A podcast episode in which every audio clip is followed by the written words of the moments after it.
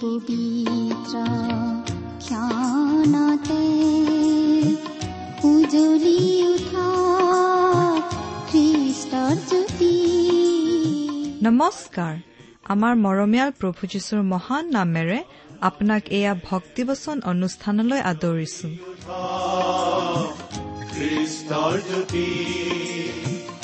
আকাশ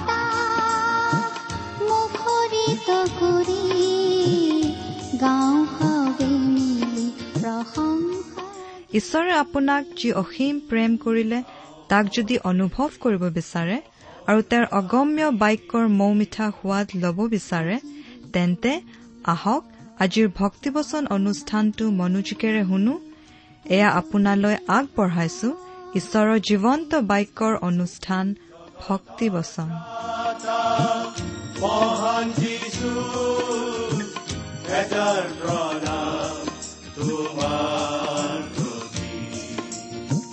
গ্ৰহণ কৰাই ভক্তি বচন।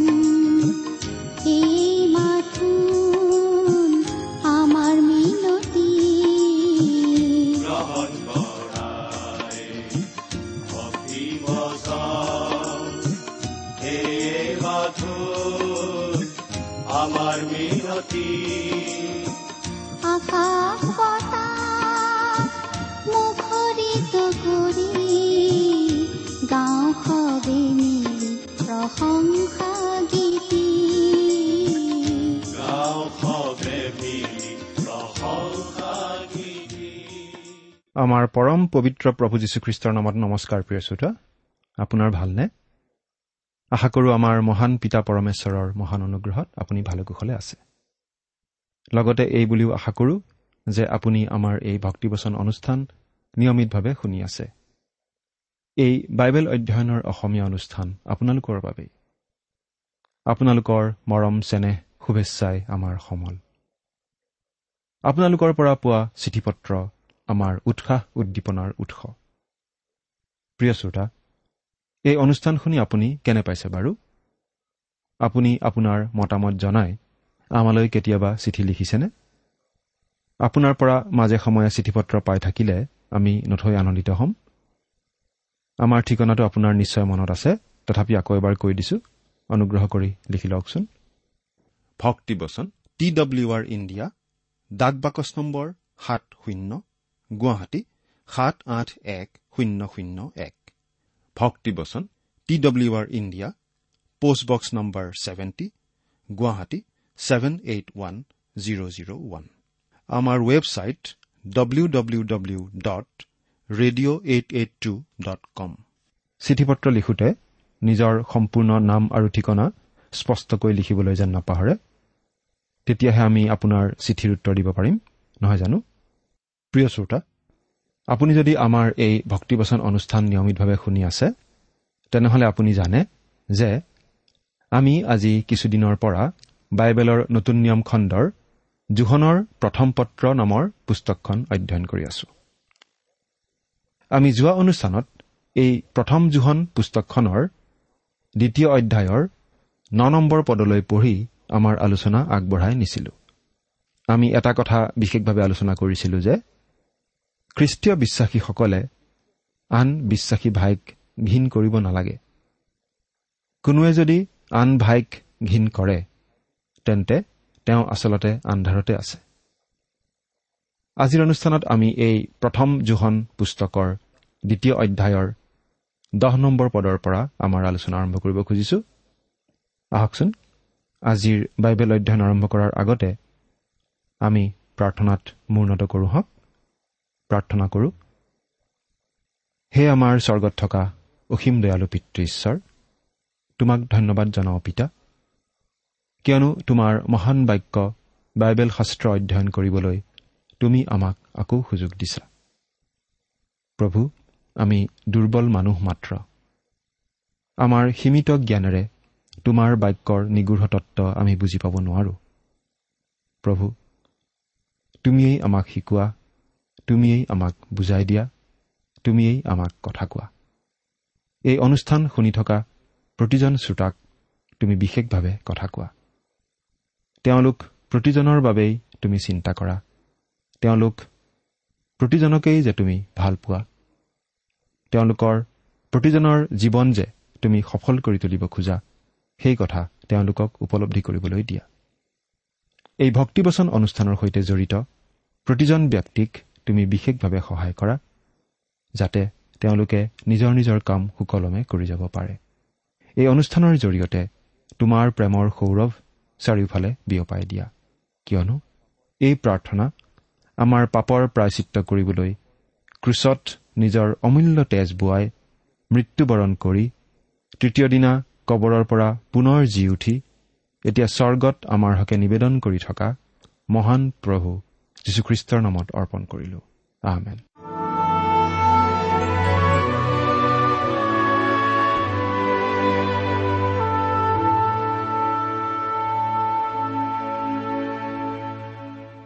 আহকচোন প্ৰিয় শ্ৰোতা এতিয়া আমি বাইবেল অধ্যয়নৰ পিনে আগবাঢ়ি যাওঁ। আজিৰ অনুষ্ঠানত আমি অধ্যয়ন কৰিবলৈ লৈছো প্ৰথম জোহন পুস্তকৰ দুই নম্বৰ অধ্যায়ৰ দহ নম্বৰ পদৰ পৰা চৈধ্য নম্বৰ পদলৈকে আমি প্ৰথমতে দহ নম্বৰ পদৰ পৰা পাঠ কৰি দিম। আপোনাৰ বাইবেলখন মেলি লৈছেনে বাৰু? এতিয়া বাইবেলৰ পৰা পাঠ কৰি দিব খুজিছো। জোহনৰ প্ৰথম পত্ৰ দ্বিতীয় অধ্যায় দহ আৰু এঘাৰ নম্বৰ পদ দুটা পঢ়ি দিছো। যিকোনোৱে নিজ ভাইক প্ৰেম কৰে তেওঁ পোহৰতে থাকে আৰু তেওঁৰ অন্তৰত বিঘ্নজনক একো নাই। কিন্তু যিকোনোৱে নিজ ভাইক ঘীন কৰে। তেওঁ আন্ধাৰতে আছে আন্ধাৰতে ফুৰে আৰু কলৈ যায় তাক নাজানে কাৰণ আন্ধাৰে তেওঁৰ চকু অন্ধ কৰিলে। প্ৰভু যীশুৱে এনেদৰে কৈছিল মই জগতৰ পোহৰ। যিজন মোৰ পাছে পাছে আহে তেওঁ আন্ধাৰত নুফুৰি জীৱনৰ পোহৰ পাব। জোহনে লিখা শুভবাৰ্তা আঠ অধ্যায় বাৰ পদ। প্ৰিয় শ্ৰোতা ইয়াত পাচনি জোহনে যিটো পৰীক্ষা দিছে সেইটো আমি নিজৰ নিজৰ জীৱনত প্ৰয়োগ কৰি চাব পাৰোঁ। কিবা এটা বস্তু কিনাৰ আগতে আমি ভালনে বেয়া পৰীক্ষা কৰি চাব খোজোঁ। কিবা এটা যন্ত্ৰ বা আহিলা ব্যৱহাৰ কৰাৰ আগতে সেইটো ঠিকে আছেনে আমি চাই লওঁ। আমাৰ আত্মিক জীৱনটো আমি পৰীক্ষা কৰি চাব পাৰোঁ। তাৰ এটা উপায় আমাক ইয়াত দিয়া হৈছে। প্ৰিয় শ্ৰোতা আপুনি বাৰু প্ৰভু যীশুক ত্ৰাণকৰ্তা বুলি গ্ৰহণ কৰিছেনে? তেওঁ আপোনাৰ বাবে পোহৰ নে? তেওঁৰ নিৰ্দেশমতে আপুনি চলি আছেনে? যে আপুনি কোনো ভাইৰ প্ৰতি ঘৃণাৰ ভাৱ প্ৰকাশ নকৰাকৈ থাকিব পাৰিছে? এজন কবিয়ে এনেদৰে লিখিছিল মই যীশুৰ মাত শুনিলো। তেওঁ কলে এই অন্ধকাৰ জগতৰ ময়েই পোহৰ। মোলৈ চোৱা। তোমাৰ জীৱন উদ্ভাসিত হ'ব। তোমাৰ দিনবোৰ উজ্জ্বল হৈ উঠিব। মই যীচুলৈ চালো আৰু তেওঁতেই মই পালো মোৰ তৰা মোৰ সূৰ্য। আৰু সেই জীৱনৰ পোহৰতে মই চলিম মোৰ যাত্ৰাকালৰ অন্ত নপৰালৈকে। অৱশ্যে এই কথাও সত্য যে কিছুমান বিশ্বাসী ভাই ভনীৰ আচৰণ হয়তো আপোনাৰ ভাল নালাগিবও পাৰে। তেওঁলোকে কোৱা কিছুমান কথা হয়তো আপোনাৰ মনঃপুত নহবও পাৰে। হয়তো কোনো ভাইৰ লগত আপোনাৰ ব্যক্তিত্বৰ মিল নাথাকিব পাৰে। কিন্তু সেইবুলি আমি কাৰো প্ৰতি কোনো ঘৃণাৰ ভাৱ মনত পুহি ৰাখিব নালাগে আৰু ঘৃণাৰ ভাৱ প্ৰকাশ কৰিবও নালাগে। এজন বিখ্যাত বাইবেল পণ্ডিতে এনেদৰে কৈছিল মই ছেমিনাৰীত পঢ়ি থাকোঁতে এজন বিশ্বাসী ভাইৰ লগত একেটা কোঠাতে থাকিব লগা হৈছিল। তেওঁৰ কিছুমান স্বভাৱ খুব অসহ্যকৰ আছিল। মই বিচনাত পৰি টোপনি যোৱাৰ সময়তে তেওঁ চিঞৰি চিঞৰি গান গাবলৈ ধৰে। গোটেই দিনটো তেওঁ গান নাগায় কিন্তু ৰাতি এঘাৰ বজাত তেওঁৰ গান গোৱা আৰম্ভ হয়। তেনেকুৱা বহুতো বেয়া অভ্যাস তেওঁৰ আছিল। গতিকে এদিন তেওঁক মই কলো ভাই তুমি এটা কথা জানানে? মই সঁচাকৈয়ে ঈশ্বৰৰ সন্তান যে হয় তাৰ সকলোতকৈ ডাঙৰ প্ৰমাণ তুমিয়েই। তেওঁ সুধিলে কিয়? কি কাৰণে তুমি তেনেকৈ কৈছা? মই উত্তৰ দিলো তোমাৰ নিচিনা অসহ্যকৰ খ্ৰীষ্টিয়ান ভাই মই আগতে কেতিয়াও লগ পোৱা নাই কিন্তু তথাপি মই তোমাক ভাল পাওঁ। সেই ভাইজনে মোলৈ চাই ক'লে ময়ো তোমাৰ নিচিনা ঘিনলগীয়া খ্ৰীষ্টিয়ান ভাই আগতে কেতিয়াও লগ পোৱা নাই। তথাপি মই ক'ব পাৰোঁ যে মই তোমাক বেয়া নাপাওঁ বৰং ভাল পাওঁ। বহু বছৰ পাছত। এবাৰ সেই লোকজন কিবা বিপদত পৰা বুলি শুনিবলৈ পাই মই তেওঁক কিবা সহায় কৰিব পাৰি নেকি বুলি লগ ধৰিবলৈ গ'লো। ইমান বছৰৰ পাছতো তেওঁ একেই আছিল। তেওঁক সহজে কোনেও ভাল পাব নোৱাৰে। আগতকৈ তেওঁ বেছি অপ্ৰিয় হোৱাৰহে যোগ্য। কিন্তু তথাপি তেওঁক মই ঘীন কৰা নাছিলো। তেওঁ ঈশ্বৰৰ সন্তান। ঈশ্বৰৰ পৰিচৰ্যাত তেওঁ লাগি আছিল আৰু ঈশ্বৰে তেওঁক ব্যৱহাৰো কৰি আহিছিল। বহুতো দিশৰ পৰা তেওঁ যথেষ্ট ভালো আছিল। তেওঁক মই সহজে সহ্য কৰিব নোৱাৰিলেও কিন্তু ঘীন নকৰি প্ৰেমহে কৰিছিলোঁ। কাৰোবাক কিবা কথাত আমাৰ হয়তো ভাল নালাগিবও পাৰে। কিন্তু সেই বুলি যে আমি তেওঁক ঘীন কৰিম সেইটো নহয়। আমি ঘীন নকৰি প্ৰেমহে কৰিব লাগে। যেনেকুৱা লোকেই নহওক কিয় ঈশ্বৰৰ সন্তানক আমি প্ৰেম কৰিবই লাগিব। প্ৰিয় শ্ৰোতা ইয়াত পাচনি জোহনে এটা খুব ডাঙৰ কথা কৈছে। যিকোনোৱে নিজ ভাইক ঘীন কৰে তেওঁ আন্ধাৰতে আছে। আন্ধাৰতে ফুৰে আৰু কলৈ যায় তাক নাজানে কাৰণ আন্ধাৰে তেওঁৰ চকু অন্ধ কৰিলে। আপুনি ঈশ্বৰৰ সন্তান হ'ল নে নাই তাক এনেদৰেই আপুনি পৰীক্ষা কৰি চাব পাৰে। যদি আপুনি কোনো ভাইক ঘীন কৰে তেন্তে আপুনি আন্ধাৰতে আছে। যদি আপুনি ভাই ভনীসকলৰ প্ৰতি প্ৰেমৰ ভাৱ প্ৰকাশ কৰি আছে তেন্তে আপুনি পোহৰত আছে।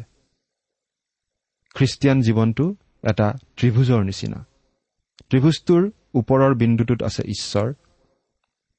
আৰু ঈশ্বৰৰ পোহৰ আপোনাৰ অন্তৰ আপোনাৰ জীৱনলৈ নামি আহে। আৰু ঈশ্বৰৰ প্ৰতি আপোনাৰ যি প্ৰেম সেই প্ৰেম ওপৰলৈ উঠি যায়। আপুনি তেওঁক প্ৰেম কৰে কাৰণ তেওঁ প্ৰথমতে আপোনাক প্ৰেম কৰিলে। যদি আপুনি পোহৰত চলি আছে তেনেহ'লে আপুনি আন ভাইসকলক প্ৰেম কৰিবই। আপুনি ঈশ্বৰক প্ৰেম কৰে কিন্তু আন ভাইক ঘীন কৰে বুলি কেতিয়াও ক'ব নোৱাৰে। সেইটো সম্ভৱ নহয়। যদিহে আপুনি ঈশ্বৰক প্ৰেম কৰে তেন্তে আন ভাই ভনীক ঘীন কৰিব নোৱাৰে। এই কথাটো আৰু অধিক স্পষ্টকৈ কোৱা আমি পাম জোহনৰ পত্ৰতেই। এতিয়া জোহনে অলপ বেলেগ বিষয় এটা ক'ব ধৰিছে। বাৰ নম্বৰ পদটো পঢ়ি দিছো। হে বোপাহঁত তেওঁৰ নামৰ গুণে তোমালোকৰ পাপ ক্ষমা কৰা হ'ল। এইকাৰণে মই তোমালোকলৈ লিখিছো।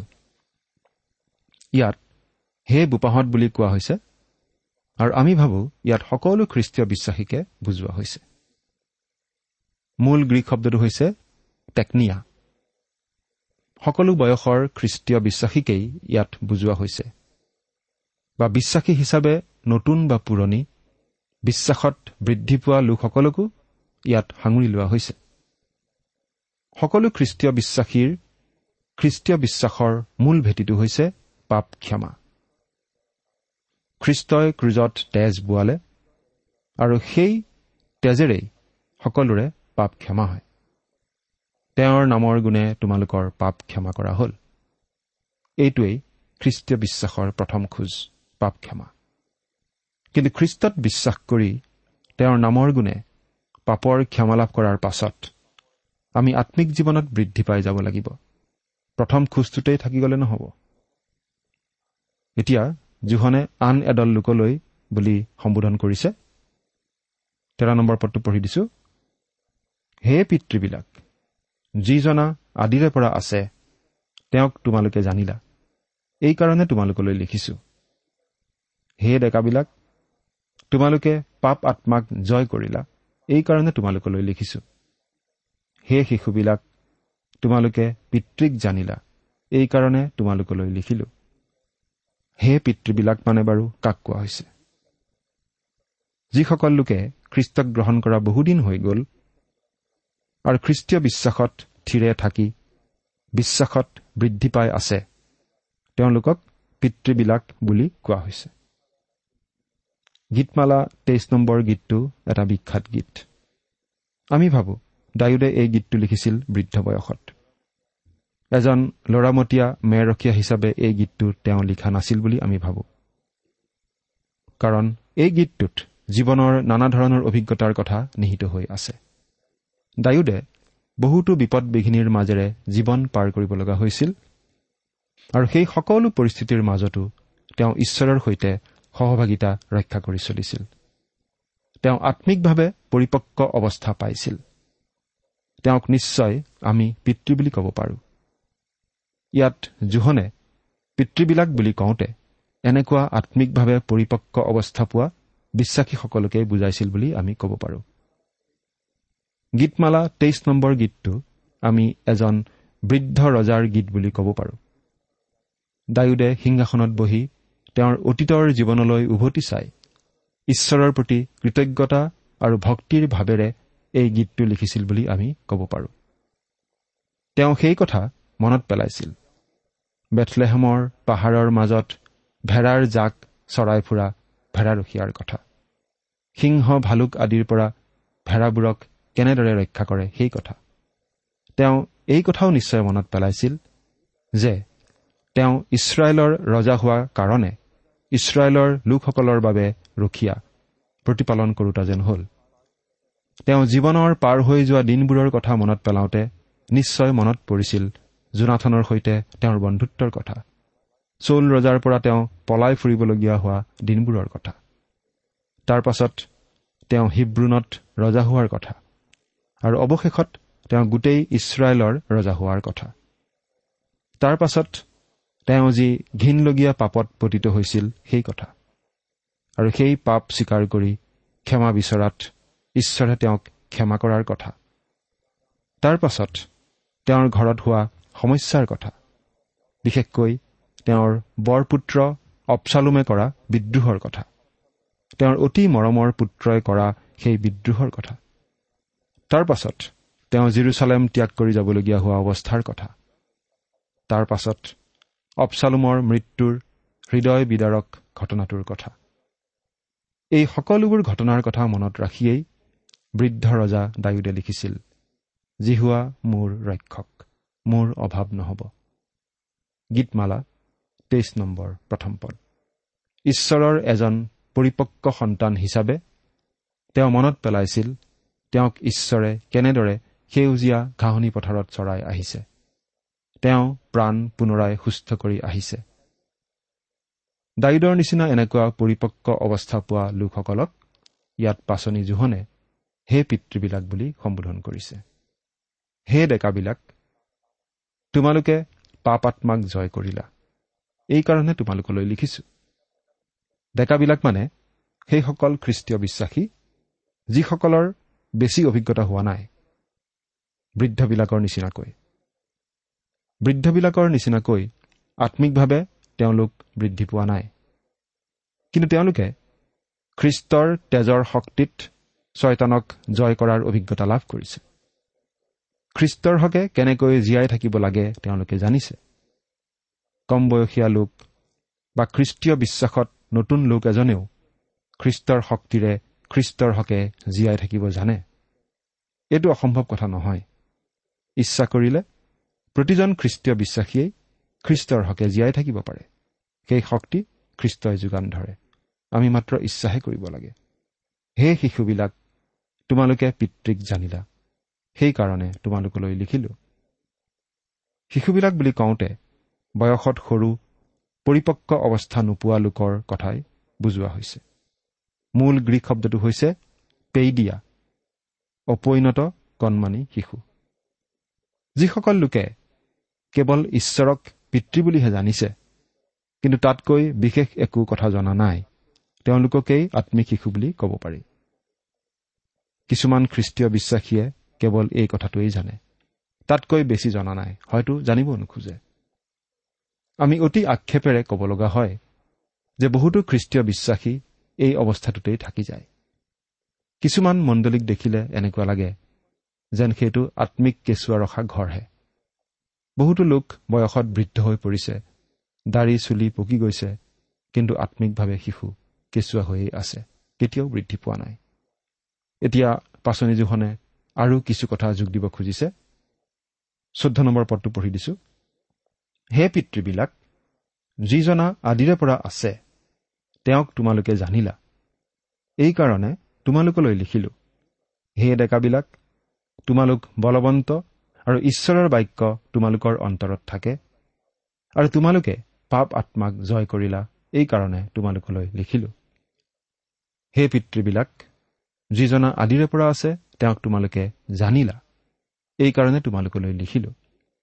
এই কথাখিনিকে পাচনি জোহনে আকৌ দোহাৰিছে। আৰু একো কথা যোগ দিয়া নাই কাৰণ তাতকৈ আৰু আমি আগবাঢ়িব নোৱাৰো।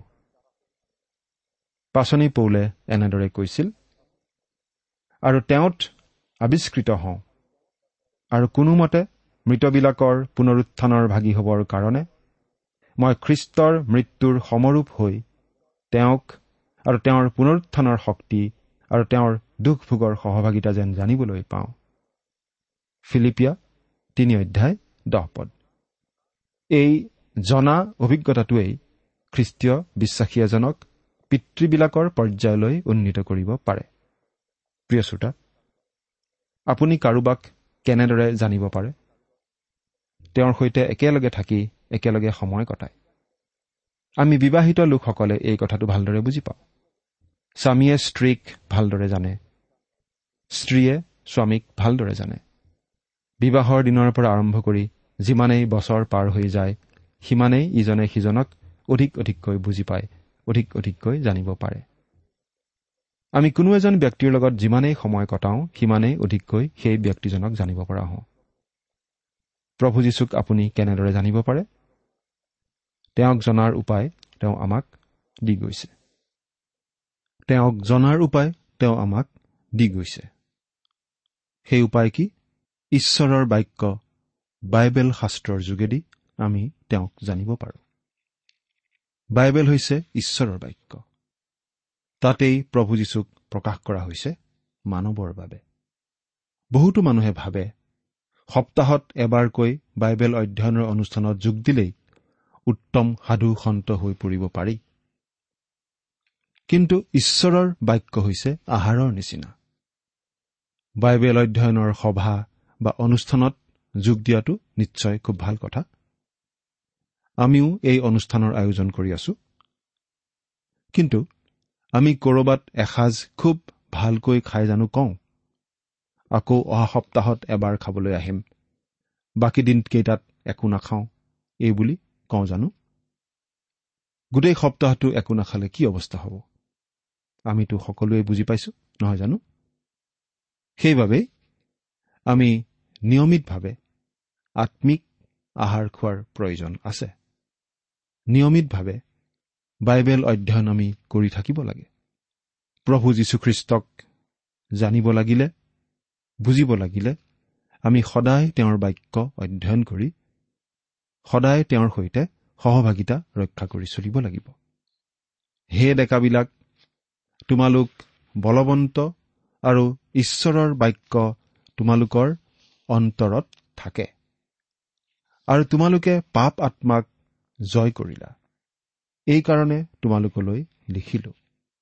ইয়াৰ আগৰ পদটোত কোৱা হৈছিল যে ডেকাবিলাকে পাপ আত্মাক জয় কৰিলে। কিন্তু ইয়াত তাৰ ৰহস্যটো দিয়া হৈছে। ৰহস্যটো কি? তেওঁলোকে কেনেকৈ পাপ আত্মাক জয় কৰিলে? ঈশ্বৰৰ বাক্য তোমালোকৰ অন্তৰত থাকে। প্ৰিয় শ্ৰোতা আমি পাপ আত্মাক কেনেদৰে জয় কৰিব পাৰোঁ? ঈশ্বৰৰ বাক্যেৰে। ইফিচিয়া ছয় নম্বৰ অধ্যায়ত বিশ্বাসীৰ আত্মিক অস্ত্ৰ শস্ত্ৰৰ তালিকা এখন দিয়া হৈছে। বিতংভাৱে দিয়া হৈছে আৰু তাত এই বুলি কোৱা হৈছে আৰু পৰিত্ৰাণৰ টকয়া আৰু আত্মাৰ তৰোৱাল অৰ্থাৎ ঈশ্বৰৰ বাক্য গ্ৰহণ কৰা। ইফিচিয়া ছয় নম্বৰ অধ্যায়ৰ সোতৰ নম্বৰ পদ। যদিহে আমি ছয়তানক প্ৰতিৰোধ কৰিব লাগে আমি এই আত্মিক তৰোৱাল ল'বই লাগিব। আৰু সেই আত্মিক তৰোৱাল হৈছে ঈশ্বৰৰ বাক্য। ঈশ্বৰৰ বাক্য আমি ভালদৰে জানিব লাগিব। বহুতো খ্ৰীষ্টীয় বিশ্বাসীয়ে জাগতিক পাপত পুতিত হোৱাৰ প্ৰধান কাৰণ হৈছে যে তেওঁলোকে ঈশ্বৰৰ বাক্য ভালদৰে নাজানে। প্ৰিয় শ্ৰোতা ঈশ্বৰৰ বাক্যই আমাৰ আত্মিক আহাৰ। ছয়তানক প্ৰতিৰোধ কৰাৰ একমাত্ৰ আত্মিক অস্ত্ৰ। ঈশ্বৰৰ বাক্যই হৈছে প্ৰভু যীশুক জনাৰ উপায় সেই বাক্য সেই বাইবেল শাস্ত্ৰ আপুনি নিয়মিতভাৱে অধ্যয়ন কৰেনে বাৰু? চিন্তা কৰি চাওকচোন। ঈশ্বৰে আপোনাক আশীৰ্বাদ কৰক। আমেন।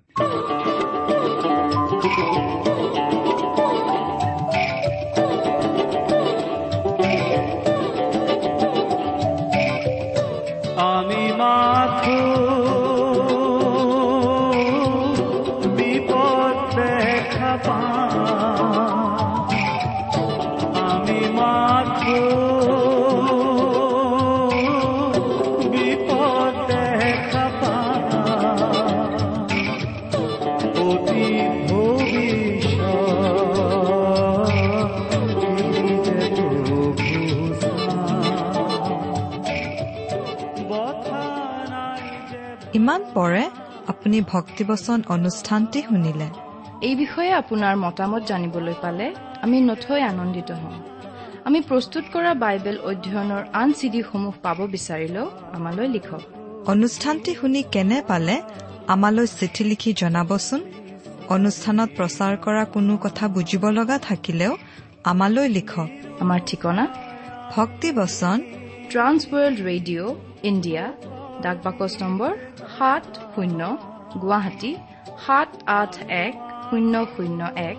ঠিকনাটো আৰু এবাৰ কৈছো ভক্তিবচন ট্ৰান্স ৱৰ্ল্ড ৰেডিঅ' ইণ্ডিয়া ডাক বাকচ নম্বৰ সাত শূন্য গুৱাহাটী সাত আঠ এক শূন্য শূন্য এক। আমাৰ ইমেইল এড্ৰেছটো হৈছে S M is T T B at the rate radio' eight eight two dot com. আমাৰ ৱেবছাইট ইন আপুনি টেলিফোনৰ মাধ্যমেৰেও আমাক যোগাযোগ কৰিব পাৰে।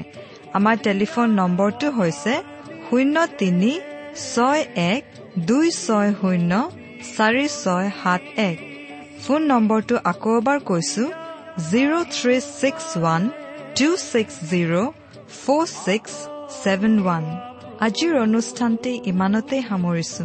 ঈশ্বৰৰ শান্তি আৰু অনুগ্ৰহ আপোনাৰ লগত থাকক। ধন্যবাদ।